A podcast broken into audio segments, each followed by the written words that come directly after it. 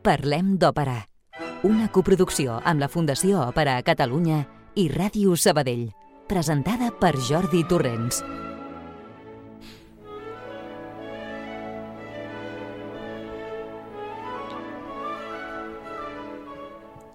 Hola a tothom, esteu tots bé? Esperem que sí, que no hagueu patit gaire refredats amb aquest temps tan variable, fred, ventós, humit que ens ha tocat viure en les darreres setmanes. Una veritable tardor, no ho podem negar, eh? Jo us confessaré una cosa, el vent el porto molt malament. Els dies que fa vent és com si se m'enterbolís el cap i, ho passo, i no ho passo bé. I la veritat és que m'he constipat amb les consegüents molèsties que això comporta, però cap problema. Aquí estem una setmana més per portar-vos la música i el cant a casa vostra, una estoneta, una horeta màgica que segur que la passareu molt bé.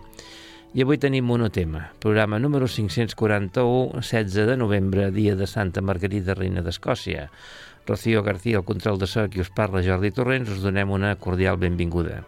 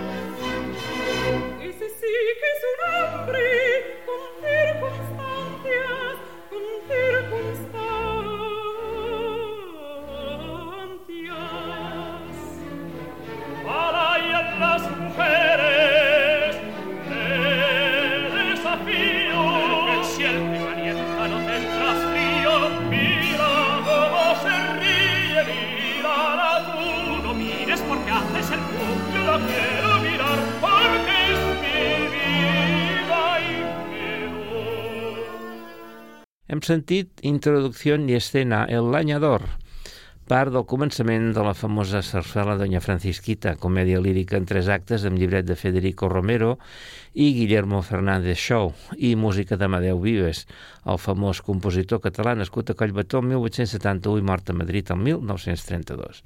Sentíem Aurelio Rodríguez com el Lanyador, Ángeles Cáceres com la Buonera, Julián Molina, Cardona, Jaume Aragall, Fernando, Norma Lerera, Aurora, La Beltrana, Felipe de Miguel, Lorenzo Pérez, María Rosé del Campo, Francisquita i Carmen de Ramírez Doña Francisca amb l'Orquestra Filarmonia d'Espanya sota la direcció de Lamberto Gardelli.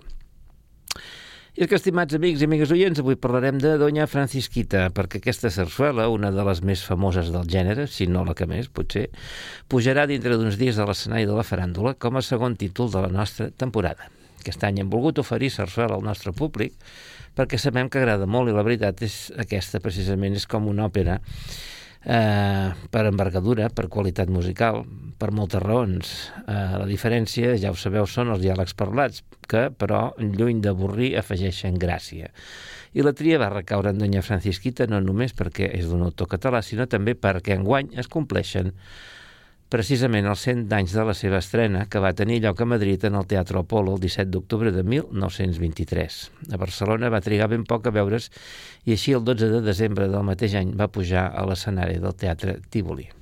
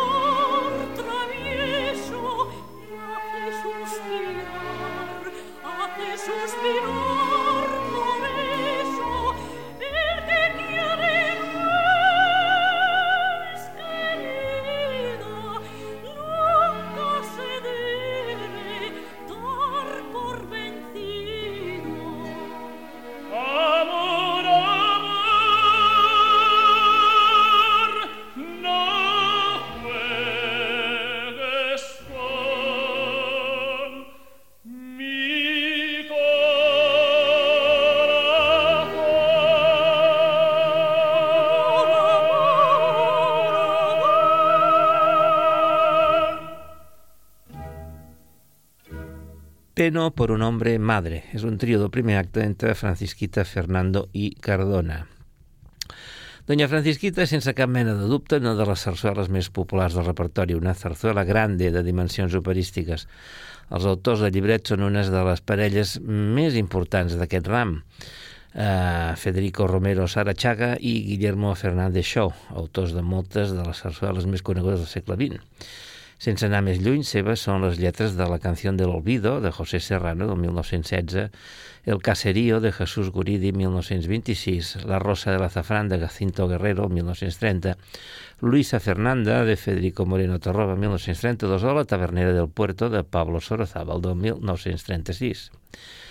Com veieu, el bo i millor. El llibret de Doña Francisquita té la seva font literària en La discreta enamorada, una comèdia de Lope de Vega, que data de l'any 1604. Val a dir que tant la comèdia de Lope com la sarsuela de Vives no tenen el típic argument de noi s'enamora de noia i fa gecs i mànigues per conquistar-la. No, aquí és precisament al revés. És la noia la que fa que el noi que ell estima en secret i que està coladet per una altra dona, sense que hi hagi veritable amor, però només atracció física, doncs que la vegi i la valori tal com és per acabar finalment junts. Una dona, sens dubte, empoderada, que dona un toc feminista a aquesta trama eh, molt i fins i tot segles abans de les lluites actuals. Amigo, soy en estos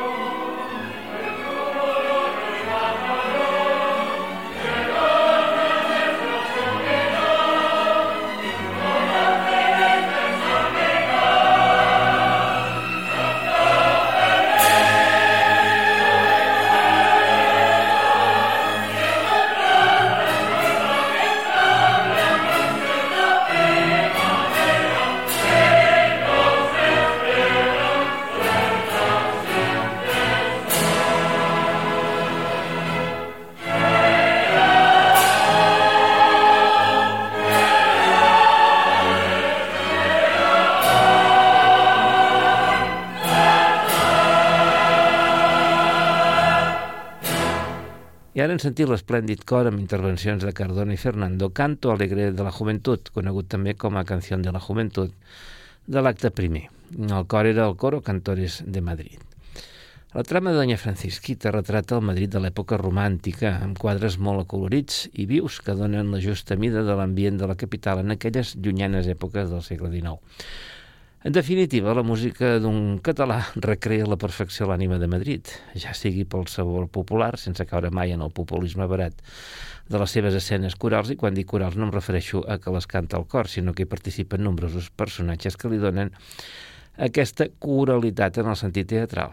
O els fragments d'ample volada lírica que canten els protagonistes, com ara la romanza de Fernando, per el humo se sabe dónde está el fuego, o la canció del Ruiseñor que canta la protagonista femenina, els números de balls, com ara el famós Fandango, o fins i tot els fragments còmics, com, com és el graciós Bolero del Marabú, a càrrec d'Aurora la Beltrana i Cardona. Tota la sarsuela, crec jo, no té desaprofitament en absolut i tots els números són bonics i estimats pel públic i són d'aquells que et queden al cap quan surts del teatre. I ara, si us sembla, sentirem la canció del Ruiseñor a càrrec de Francisquita.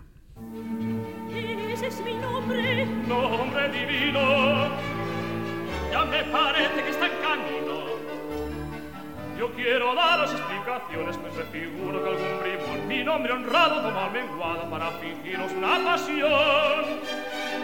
Pues vaya un modo de comentar, lo ha echado todo, a robar. Ah, ah, ¿no era usted? Juro que no. Aquí entonces no se voló. Ningún recambio se ha mandado ni a vuestra reja llegué jamás descosido mi no merezco no haré más.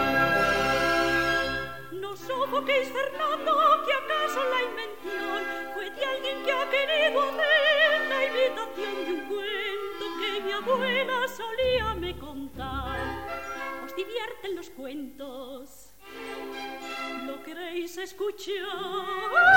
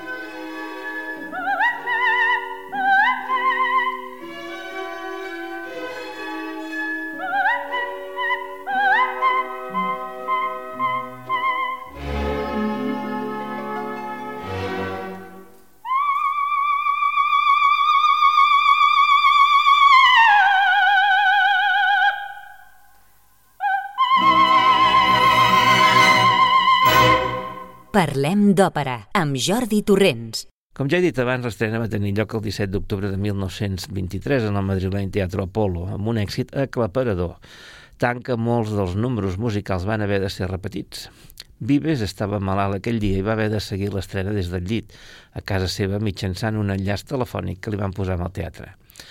La posterior presentació a Barcelona el 12 de desembre següent en el Tívoli fou un altre gran èxit. El novembre de 1924, és a dir, un any després de l'estrena, la companyia va portar l'obra a Amèrica. I així Dona Francisquita es va poder veure a Xile, Perú, Cuba, Mèxic i Argentina. L'èxit fou tal en aquest darrer país que fins i tot de seguida va donar peu a una paròdia anomenada Doña Francisquita la Maleva. Molt sonada fou la producció de 1956 amb motiu de la reinauguració del Teatre de la Zarzuela, protagonitzada per Alfredo Kraus i Anna Maria Olaria, que fou seguida per una gira triomfal per tot Espanya i va culminar amb una representació a la Volksoper de Viena. I també se'n van fer versions en altres idiomes, com ara l'anglès i el francès, per no parlar de dues adaptacions cinematogràfiques als anys 1934 i 1953. En definitiva, fou l'obra que més satisfaccions i beneficis econòmics va reportar Amadeu Vives. Fa molts anys, Doña Francisquita ha anat guanyant projecció internacional i s'ha vist en importants escenaris d'Europa i Amèrica. Per exemple, va ser objecte d'una gran producció el 1998 a la Washington National Opera de la capital dels Estats Units, en l'època en què Plácido Domingo era el director. No oblidem que el famós tenor madrileny, i ara no se sap ben bé què, fou un dels grans intèrprets del rol de Fernando.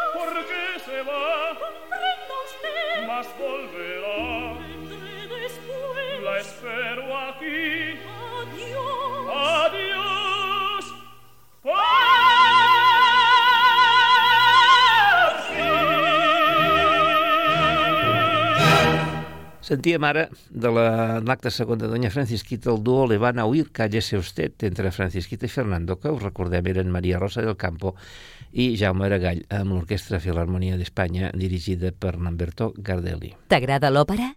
En parlem a Ràdio Sabadell. Aquesta Doña Francisquita serà el que tradicionalment hem anomenat el quart títol, o sigui, aquella producció que habitualment només es veia a Sabadell, fora del circuit Òpera Catalunya, constituït sempre per tres títols, però que ja fa anys l'Associació d'Amics de l'Òpera Sabadell va decidir oferir als seus socis per tal de presentar obres més infreqüents i gairebé sempre en format concert, i que durant uns certs anys foren sarsueles, Doña Francisquita, també la Rosa de l'Azafrán, Cançó d'amor i de guerra, Luisa Fernanda, Maruixa, Marina... Foren alguns dels títols oferts. També es van arribar a fer tres concerts amb el títol d'homenatge a la sarsuela. Ja veieu, doncs, que sempre ens ha agradat la sarsuela i ens fa molta il·lusió tornar-la a portar en escena. Aquest cop ja de mans de la Foc, la Fundació per a Catalunya. Però el millor del cas és que aquesta producció no es veurà només a Sabadell, sinó que viatjarà. Poquet, però viatjarà i formarà part del circuit Òpera Catalunya. És la nostra voluntat consolidar aquest quart títol en forma representada per les properes temporades i que cada cop més ciutats del circuit s'animin a acollir-lo. Por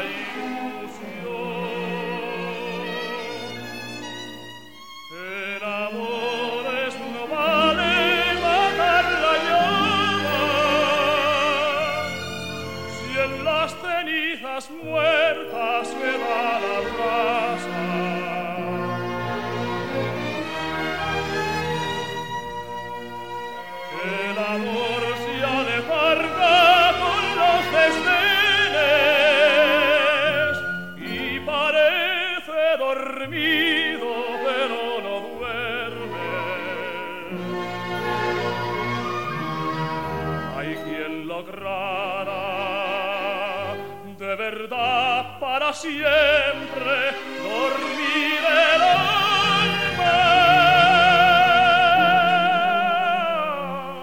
Dormir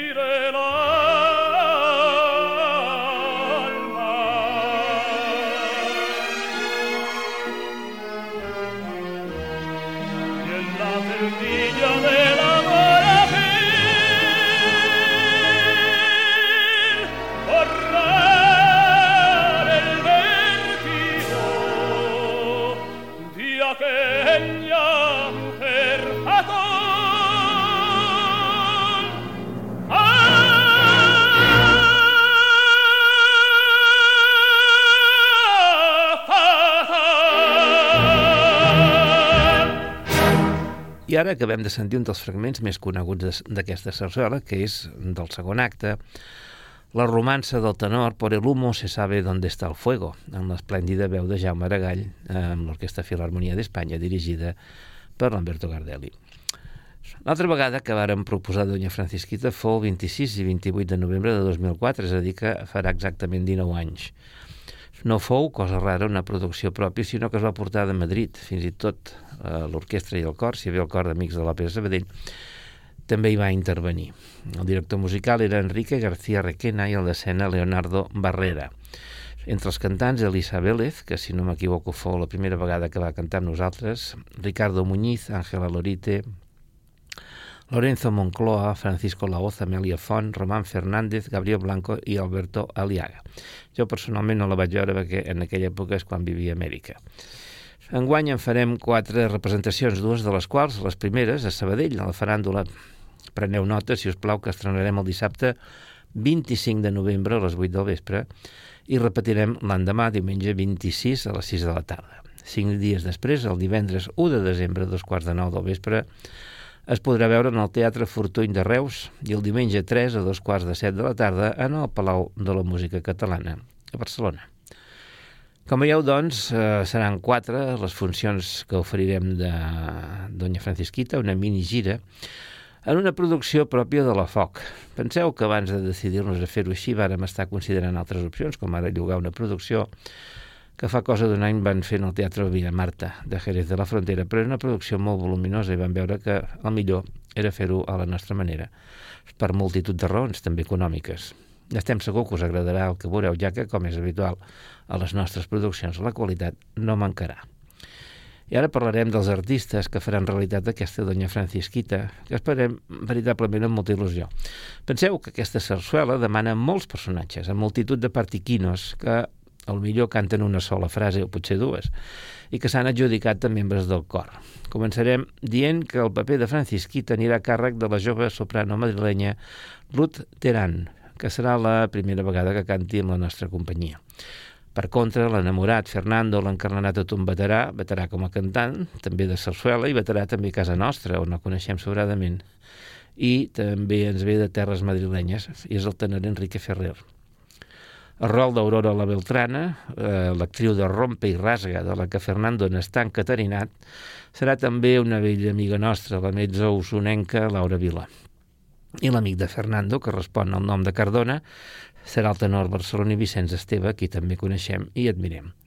Després tenim la gent gran, per dir-ho així, Doña Francisca, la mare de Francisquita, que serà Yolanda Valero, sabadellenca, i debutant amb la foc, i Don Matías, el pare de Fernando, i que també pretén la jove Francisquita, serà el baríton Enric Martínez Castignani, que no necessita presentació i aquí acabem de veure Romeu i Julieta fent també de pare. Després tindrem eh, Quim Cornet com a Lorenzo Pérez, Laura Obrador serà Irene, la de Pinto, Marta Roca i Rosa Maria Vella repetiran els rols de la Buonera i la Guadora. Uh, Sabadell serà un dia cadascuna. Carlos Ortiz serà Juan Andrés. El tenor Marc Sala farà tres papers. El Lanyador, el Cofrade primero i el Sereno. Josep Perea, Cofrade segon. Jaume Fonollà, Cofrade tercer. Esperança Vergés, Doña Basilissa i la mamà, Esther de Santos, Doña Liberata y una maja. Alba Bosch, niña primera. Ana Arias, niña segunda. Roger Reverter, l'Eguador i un jornalero. Eugènia Montenegro, la dona del jornalero. Pol Lledó, el fill del jornalero. Adriana de León, la naranjera. Josep Maria Guix, el liberal. Raúl Blanquino, un capellà. Roberto Redondo, dependent primer. Oriol Luque, dependent segon. Víctor Galiano, dependent tercer, Carles Salmons, un miliciano, Daniel Arredondo, un torero, i Lluís Vergés, un guitarrista. Ja ho veieu, quina quantitat de gent. Com sempre, el cor Amics de l'Òpera Sabadell, dirigit per Daniel Gil de Tejada i l'Orquestra Simfònica del Vallès, que serà dirigida pel prestigiós mestre Miquel Ortega, director, pianista i compositor de renom, que va venir a dirigir per darrera vegada aquí, ja fa 25 anys. També intervé la rondalla Àngel Sola i sis ballarins i ballarines coordinats per Sílvia Calvo. La direcció escènica serà de Rita Cosentino, experimentada directora argentina radicada a Madrid, assistida per Aaron Martín, responsable també de la coreografia, disseny de scenografia Jordi Galobart i de vestuari Gabriela Hilario, amb il·luminació de David Bufarull. Us esperem. Parlem d'òpera, un programa per escoltar i aprendre a escoltar.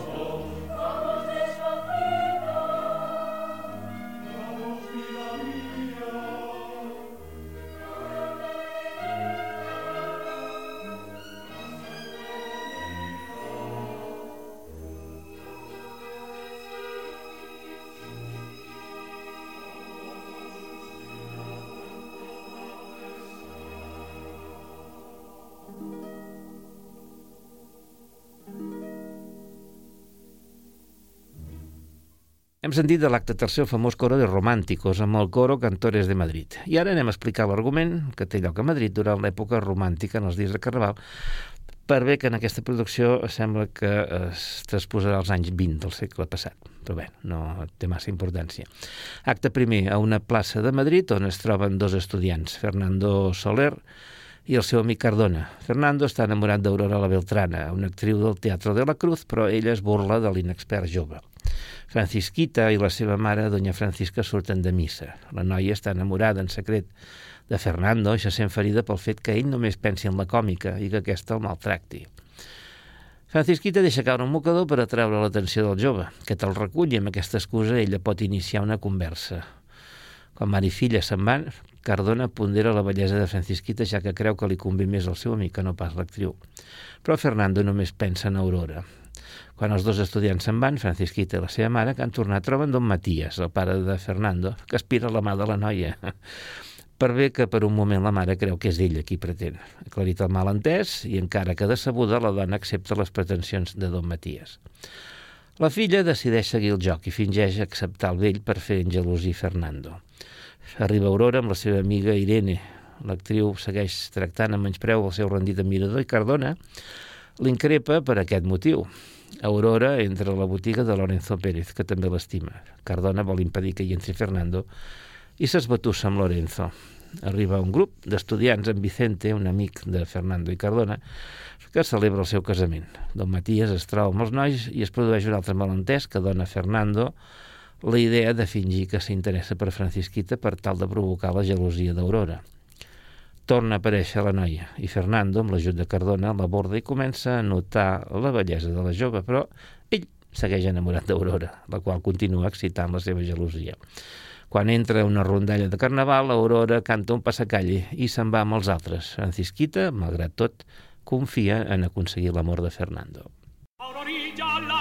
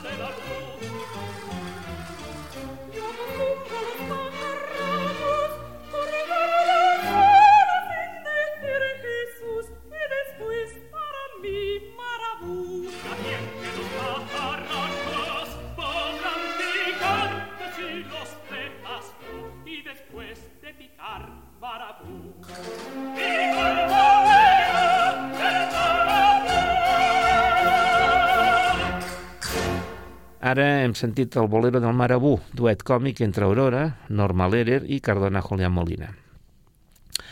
Acte segon a l'esplanada del canal prop d'un berenador. Se sent Aurora interpretar una cançó i els confrares que celebren el carnaval responen amb una peça humorística. Arriba Cardona, disfressat de maja, i perseguit per uns quants homes atret pels seus encants, entre cometes, seguits de Fernando. Arriba Francisquita i canta un duo amb aquest. Fan acte de presència també Don Matías i Doña Francisca. El vell vol presentar Francisquita al seu fill perquè conegui la que ell desitja que sigui la seva madrastra. Fernando comença a sentir amor per la noia, molest de pensar que ella té intenció de casar-se amb un vell com el seu pare. Quan tots se'n van, Fernando, que sent una cançó d'Aurora, vacila en els seus sentiments amorosos. Cardona, que segueix disfressat, torna i fingeix una escena galant amb Fernando per molestar Aurora i aquesta s'enfada. Francisquita torna i aconsegueix que Fernando li declari el seu amor. Després fingeix un desmai i ell l'acull en els seus braços, comportament que molesta molt Don Matías, que mentrestant també havia tornat al lloc. S'organitza un ball i Aurora repta públicament els homes a convidar-la a ballar, fet que provoca la violenta reacció de Lorenzo Pérez. Aurora vol recuperar Fernando, però no li surt bé, ja que aquest balla amb Francisquita. I finalment és Don Matías qui la convida a ballar, enfrontant l'agressivitat de Lorenzo. I ara sentirem el magnífic Fandango.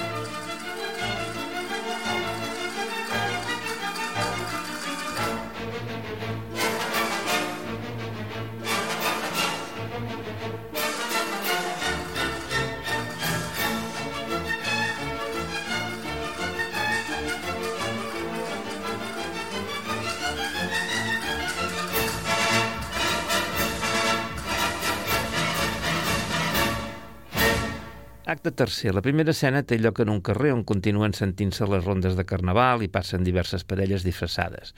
Doña Francisca, instigada per la seva filla, que acabat creient que Fernando està enamorat d'ella, fet que la falaga.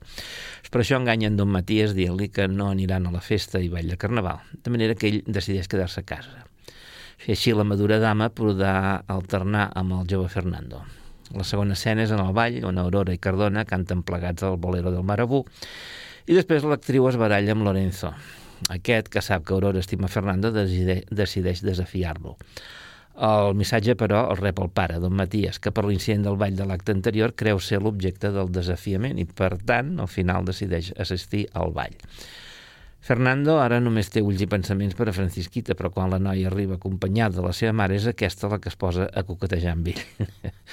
arriba don Matías i recrimina la dona que vulgui lligar amb un jove com Fernando, que podria ser el seu fill. Ràpidament, Cardona li recorda que igualment ell podria ser el pare de Francisquita. El vell s'adona del seu error i accepta compungit que qui s'ha de casar amb la noia és el seu fill, no pas ell. La parella canta un duo d'explicacions dirigides al pare i tothom celebra el proper enllaç. Aurora, per la seva banda, es consola coquetejant amb Cardona. I aquí s'acaba Doña Francisquita, de la qual sentirem el conjunt final. Us esperem al teatre per gaudir-la moltíssim. I jo també us emplaço d'aquí a set dies amb nous temes. Adéu-siau i fins dijous que ve.